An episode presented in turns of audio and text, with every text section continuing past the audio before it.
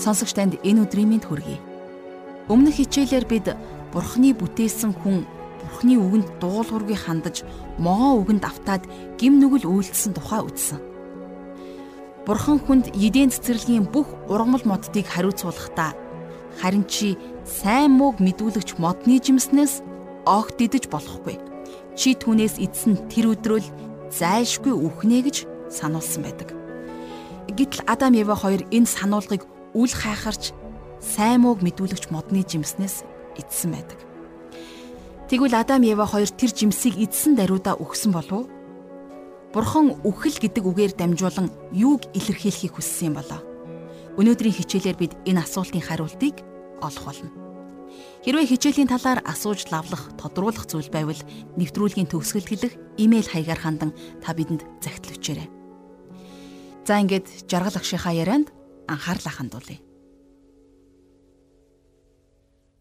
За тэгэхээр өнөөдөр бид э, Эхлэл номын 3 дугаар бүлгээс үргэлжлүүлэн үзэх болно. Бурхны бүтээсэн хүн Бурхны үгийг зөрчөөд түүний эсрэг талд гарсан талаар бид түрүүний хичээлээр үзсэн. За тэгэхээр нөхцөл байдал нэгэнд ийм болсон учраас Бурхан хүнийг шүүх ёстой болсон юм. За тэгэхээр энэ тухайд э, Библиэд юу гэж бичсэнийг одоо харцгаая. Эхлэл номын 3 дугаар бүлгийн 14 дугаар ишлэл.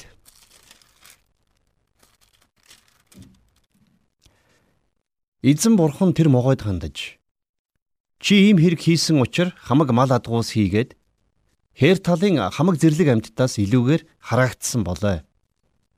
Чи хөвлийгээрээ мөлхөж насан туршдаа тоос шороо өмхөх болно гэсэн ба. За энд гарч байгаа могоо гэдэг нь өнөөдрийн бидний мэд хөвлөөр явагч могоо биш юм шүү. Харин энэ бол сатан. Эндээс харах юм бол хүн төрлөختнийг гимд унгаасан сатаны дээрх шийтгэлийг бурхан түүнд мэдэгдэж хараасан байгаа.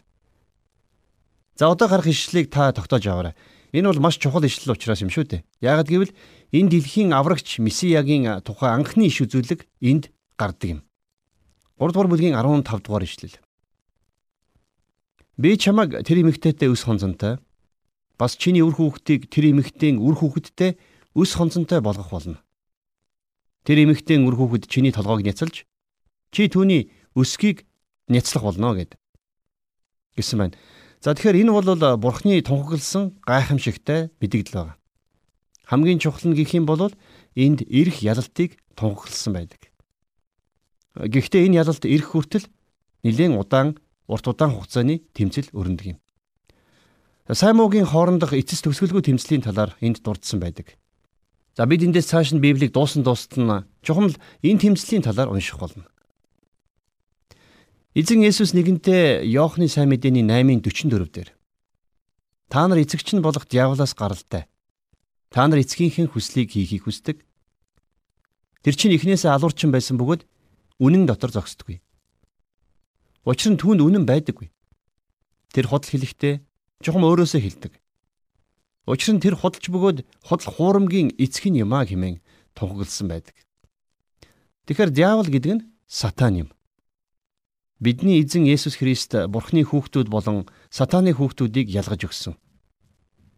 Иохны 1-р загтлын 3-ын 10 дээрээс харах юм бол Бурхны хүүхдүүд ба диавлын хүүхдүүд үүгээр танигддаг юм. Зөвийг үлддэггүй аливаа хүн Бурхных биш. Ах トゥ угээ хайрладгүй нэг нь ч Бурхных биш хэмээн бичсэн байна. За тэгэхээр бид хоёр янзын үр өдмийн хоорондын тэмцэл өрнөж байгааг тодорхой харж чадна. Мэдээж эцэст нь ялалт ирсэн. А гэхдээ тэр хүртэл маш урт удаан хугацааны тэмцэл өрнөсөн гэдгийг бид мартах ёсгүй. Христийг ирэх хүртэл ялалт нь итгэлийн дуулууртай байдлаар ирдэг байсан бол харин Христ ирснээс хойш бид Христэд итгэх итгэлээр дамжуулан авралыг за бас ялалтыг олж авах боломжтой болсон юм. Тэгэхээр аврагдана гэдг нь юу гэсэн үг вэ? Энэ нь Христ дотор байна гэсэн үг. Бурхан амьтад хүмүүс болон Тэнгэр элч нарыг бүтээсэн. Амьтдад сонголт байгаагүй бол харин хүн болон Тэнгэр элч нарт Бурхан сонголтыг өгсөн байна. Эндээс бид хүний хийсэн сонголтыг харж чадна. Хүн өөрөө сонголтоо хийж шийдвэрээ гаргасан. Тийм учраас тэр шийдвэр сонголтныхоо хариуцлагыг хүн өөрөө л хүлээх ёстой болсон. За тэгээд цаашлах юм бол энэ эмэгтэй үр гэж хэлснийг та анзаарсан байх. Тэр эрэгтэй үр гэж хэлээг байгааз. Энэ бол Христ онгон эмэгтэйгээс мэдлэх болно гэсэн иш үзүүлэг буюу зөвгнөл байсан гэж би итгэж байгаа. Бурхан Эден цэцэрлэгт Адамыг хайхдаа чи хаана байна гэж дуудсан байгаа. Шашин бол Бурханыг хайх эрэл хайгуул юм гэж хүмүүс ярьдаг. Гэхдээ эрхэм найз минь Бурхан харин өөр зүйлийг энд хэлж байгаа. Аврал бол Бурхан хүнийг хайсан эрэл хайгуул. Хүн гимнүгэл үлдээд Бурханаас зүхтааж нуугдсан. Харин Бурхан чи хаана байна вэ гэж дуудсан байдаг. Тэгэхээр нэгэн алдартай Библийн багш доктор хүн хэлэхдээ Бурхан хүнийг хайн дуудсан энэ дууны угт Тэнгэрлэг шудраг ёс. Тэнгэрлэг харуулсал. Тэнгэрлэг хайр нуугдж байсан юм а гэж хэлсэн байдаг. Бурхан хүнийг хайрлсан учраас авралын замыг өгсөн байна. Библийн хуудас бүрээс бид хүнийг хайсан Бурханы эрэл хайгуулыг олж харж чадна. За тухайлх юм бол Ромын 3-ын 11 дээр ухаардаг хүн алга, Бурханыг хайдаг хүн алгаа гэсэн байдаг бол Иохны 15-ын 16 дээр Эзэн Есүс айлдахдаа та нар намайг сонгоогүй харин би та нарыг сонгосон.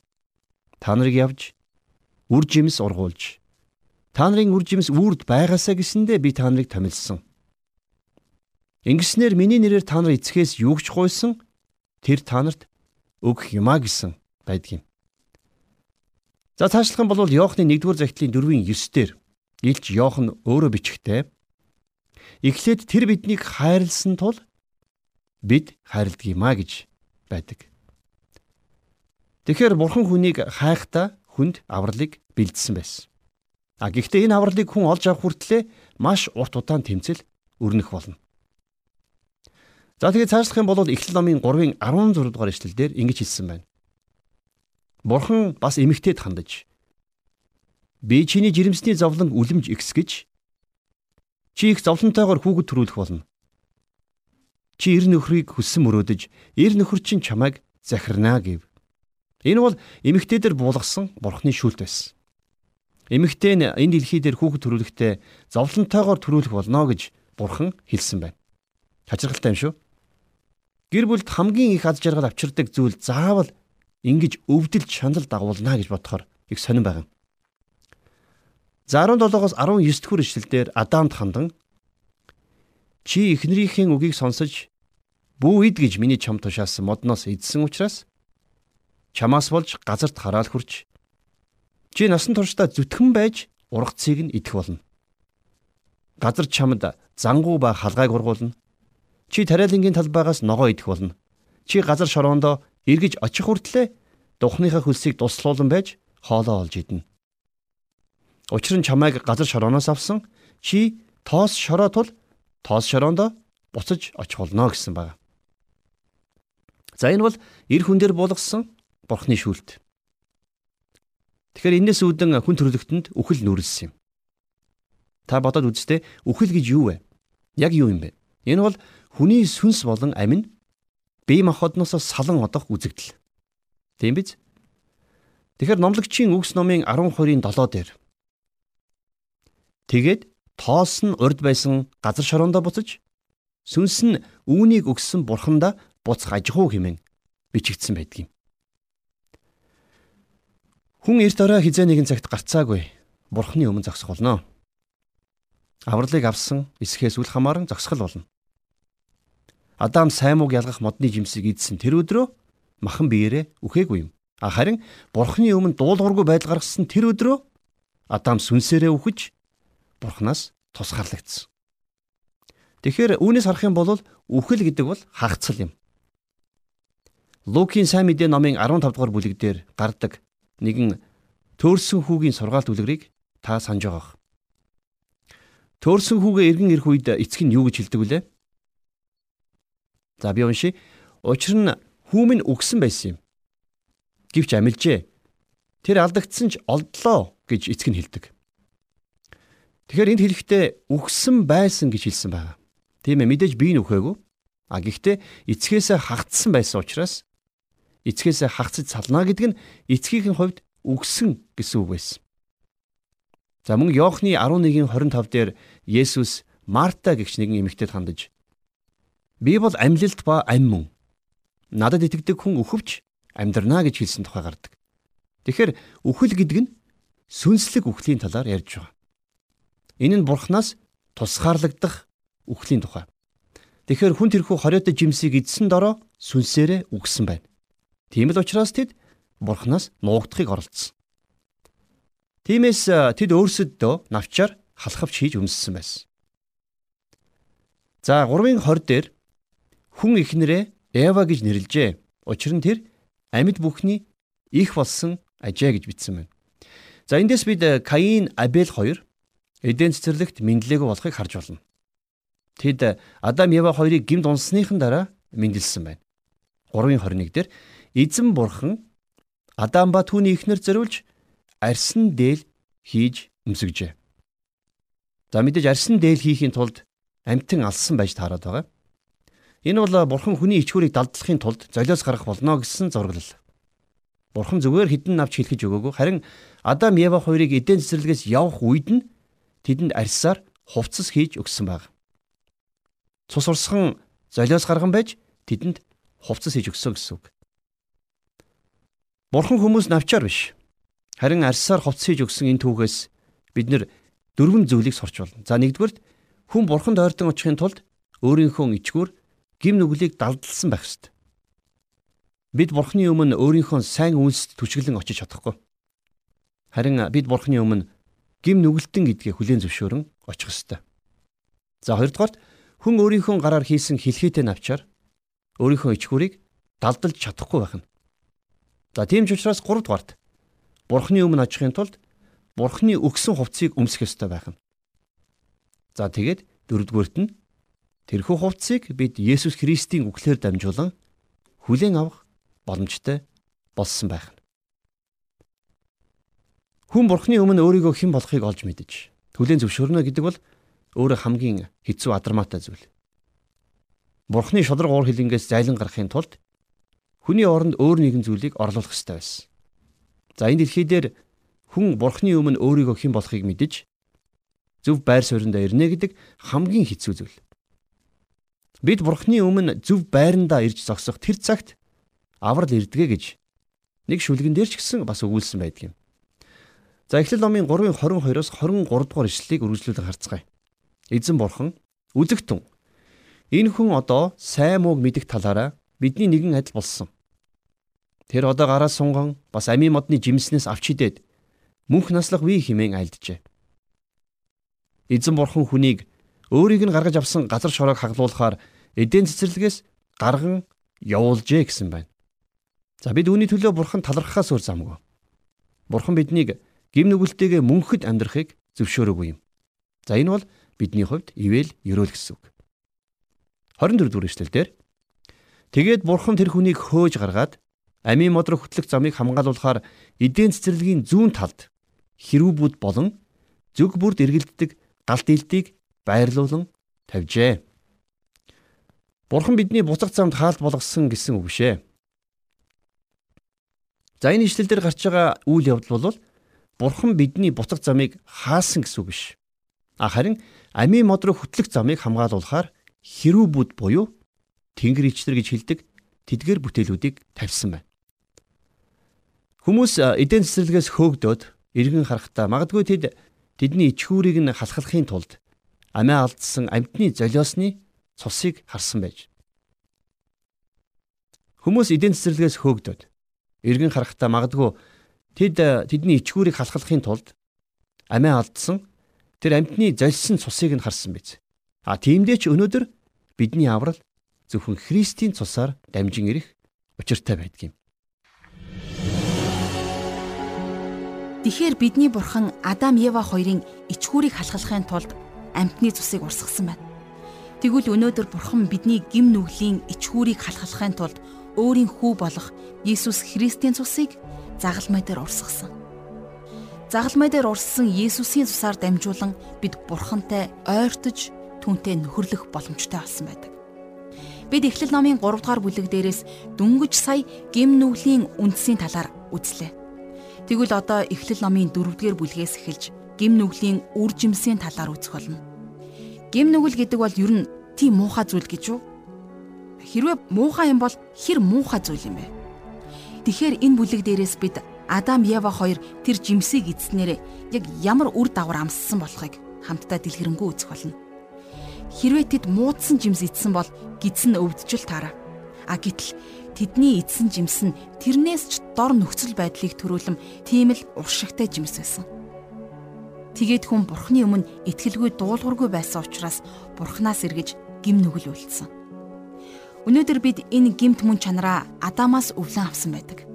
Чухам Адам ямар мөн чанарыг бидэнд өвлүүлж үлдээсэн бэ гэдгийг бид Эхлэл номын 4-р бүлэгдэр гарах Адам Ева хоёрын хоёр хүүгийн амьдралаас үзэх болно. За хамтдаа үргэлжлүүлэн Эхлэл номын 4-р бүлгийг үздэцгээе. За 4-р бүлгийн эхэнд Адам Ева хоёрын хоёр хүүгийн тухай гардаг юм. За мэдээж тэдэнд маш олон хүүхдүүд байсан байх. А гэхдээ Библиэлд энэ удаа зөвхөн хоёр хүүгийнх нь л амьдралыг харуулсан байна. За дөрвийн нэг дээр Адам ихнэр Еватайгаа унтаж, Еван жирэмслэн Каиныг төрүүлж.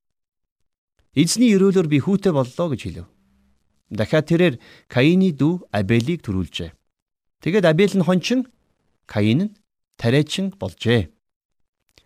За эндээс харах юм бол Адам Ева хоёр сайн муугийн хоорондох тэрхүү тэмцлийг тийм удаан үргэлжлэх юм гэж төсөөлөөгүй юм шиг байна.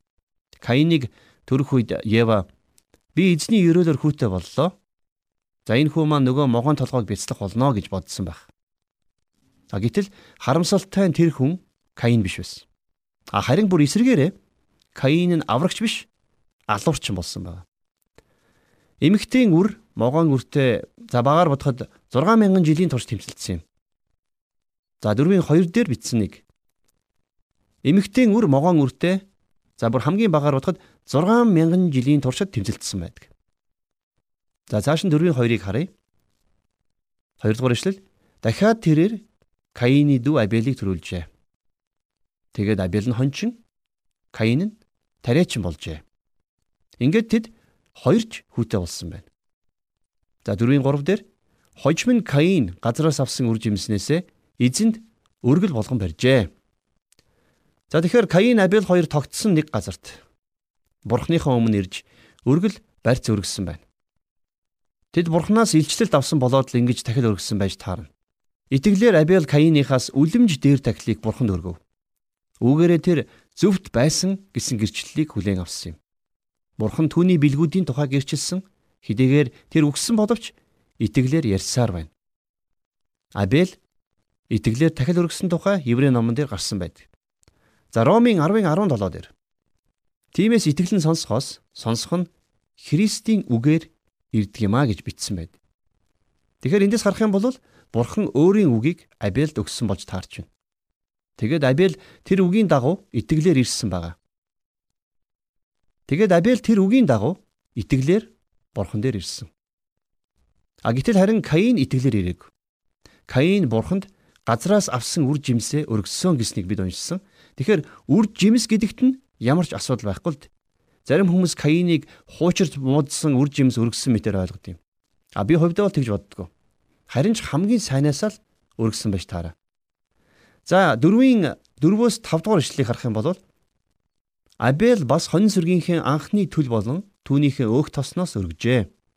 Эзэн Абелыг болон түүний өргөлийг ойшон хүлээн авсан боловч Каиныг болон түүний өргөлийг ойшоосонгүй.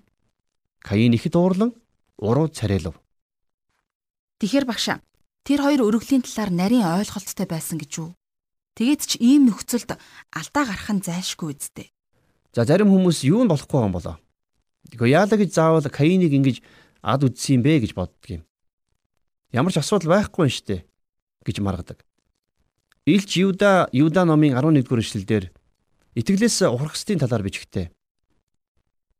Тэд золгүй ээ.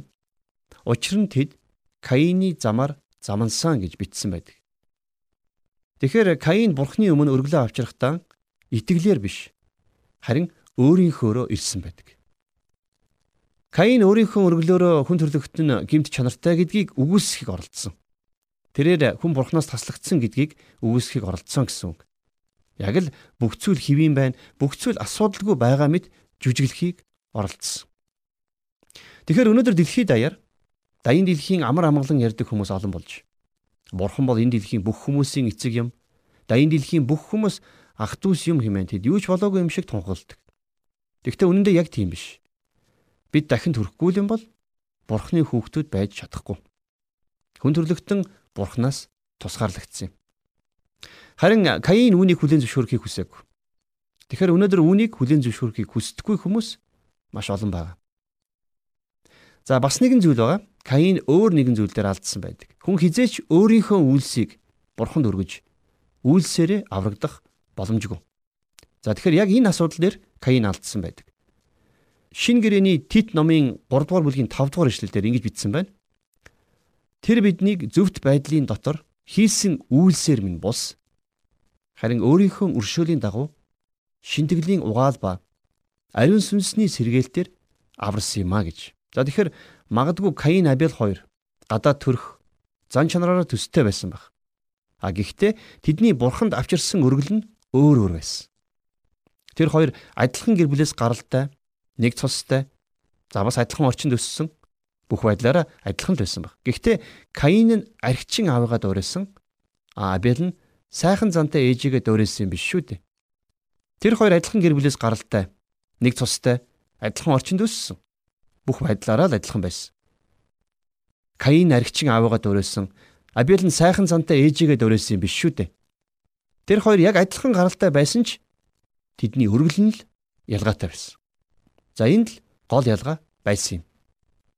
Тэгэхээр бид өнөөдөр бурханд яг юу өргөж байна вэ гэдэг маш чухал. Ямар ч итгэгч хүн нөгөөгөөсөө илүү юм уу эсвэл дутуу биш. Харин өөрийгөө бусдын адил гим нүгэлтэй гэдгээ хүлээн зөвшөөрсөн хүн л Христэд итгэгч болдог. Өөрийнх нь гим нүглийг үүрэх өөр нэгэн хэрэгтэй гэдгийг хүлээн зөвшөөрсөн хүн л авралыг авдаг. Энэ тухай Илч Паул хэлэхдээ түүний цуснд итгэх итгэлээр дамжуулан Бурхан түүнийг эвлэрүүл гэж нийтэд харуулсан. Ингэсэн нь Бурхан урд нь үйлдэгдсэн нүглүүдийг төвчин өрөөсөн учраас өөрийнхөө зөвийг илэрхийлэхийн тулд байсан гэж Ром хотын бичсэн захидлынхан 3 дугаар бүлгийн 25 дээр бичсэн байдаг. Цаашлаад Илч Паул Ромын 13 дээр Учир нь Бурхны зөвхт байдлыг мэдлгүй. Өөрсдийнхөөгөө тогтоохыг ирмэлзэн тэд Бурхны зөвхт байдалд үл захирагдав гэсэн үг байдаг. Өнөөдөр эдгээр үгс маш олон хүмүүсийг тодорхойлж байна. Олон хүмүүс өнөөдөр шашнаар дамжуулан ямар нэгэн сайн үйлс за тэгэд буян үйлснээрээ дамжуулан эсвэл бүр цуглаанд явснараа дамжуулан бурханд өөрсдөө хүлийн зөвшөөрөлхийг хүсдэг. Гэтэл бурхны хүртээх зөвхт байдал нь зөвхөн Есүс Христээр дамжуулан ирдэг тэр төгс зөвтгөлөөр дамжуулан өгөгддөг юм. За Ромын 4:25 дээр Есүс бидний нүгэл хилэнцээс болж тушаагдсан бөгөөд бидний зөвтгөлийн төлөө амьлуулагдсан юм а гэж бичигдсэн байдаг. Тэгэхээр Есүс бидний зөвтгөлийн төлөө амьлуулагдсан гэж бичсэн байна. За Коринф хотынд бичсэн загтлын 2 дугаар загтлын 5-ын 21 дээр тэр нүглийг үл мэдгч түүнийг бидний төлөө нүгэл болгосон. Тэгснэр бид түүний дотор бурхны хүртэх зөвхт байдал болох юмаа гэж бичсэн байдаг. За мөн түнчлэн Филиппойд бичсэн загтлын 3 дугаар бүлгийн 8-аас 9 дугаар ишлэлдэр тэрч байтугай би өөрийн эзэн Есүс Христийг таньж мэдхийн давуу агуу байдлын төлөө бүх юмсыг гарц хохирол болгон үздэг. Би түүний төлөө бүх юмсын гарц хохирлыг амсаж тэдгэрийг хог гэж үздэг нь Христийг олохын тулд бөгөөд хуулиас гардаг өөрийнхөө зөвхт байдалтай биш. Харин Христэд итгэх итгэлээр ирдэг Итгэлийн үндсэн дээр Бурханаас ирдэг зөвхт байдалтай түүний дотор би олдохын тулд юмаа гэсэн байдаг. За тэгэхээр яасан гэхээр Каин өөрийнхөө зөвхт байдлаар Бурханы өмнө ирж тахил өргөсөн бол харин Абель итгэлээрээ тахил өргөсөн юм. За тэгэхээр энэ нь бидний төлөө өөрийгөө өргөсөн Есүс Христийн тахилын бэлэгдэл байсан гэж би итгэдэг.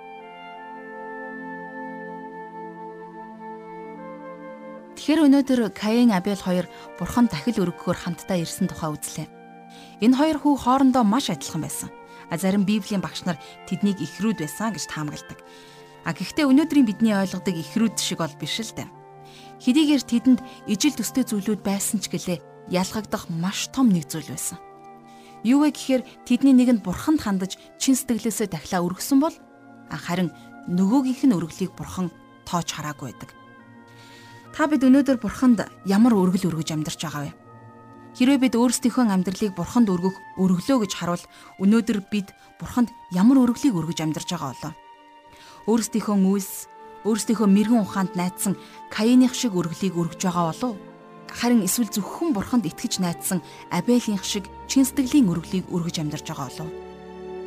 Энэ тухай хамтдаа тунгаан бодоод бурханд хандаж залбирцгаая. Бурхан минь бидний гим нүглийн төлөө бидний өмнөөс өөрийн хүүгээ өгсөн таньдаа бид баярлалаа. Таны хүү Есүс Христэд итгэх итгэлээр дамжуулан та биднийг мөнхийн шийтгэлээс аварсан учраас эзэн минь ээ үнэхээр тань талархаж байна. Та бидний итгэлийн өргөлийг өргөдөг та биднийг чин сэтгэлээсээ өргөдөг тийм л итгэлийн өргөгчд болгон өөрчлөн шинчилж өгөөч. Таны тааллыг олсон тэрл итгэлийн амьдралаар та биднийг замчлан удирдаач. Бид танд ам амьдралаа даатгаж Иесус Христосийн нэрээр залбирлаа. Амен.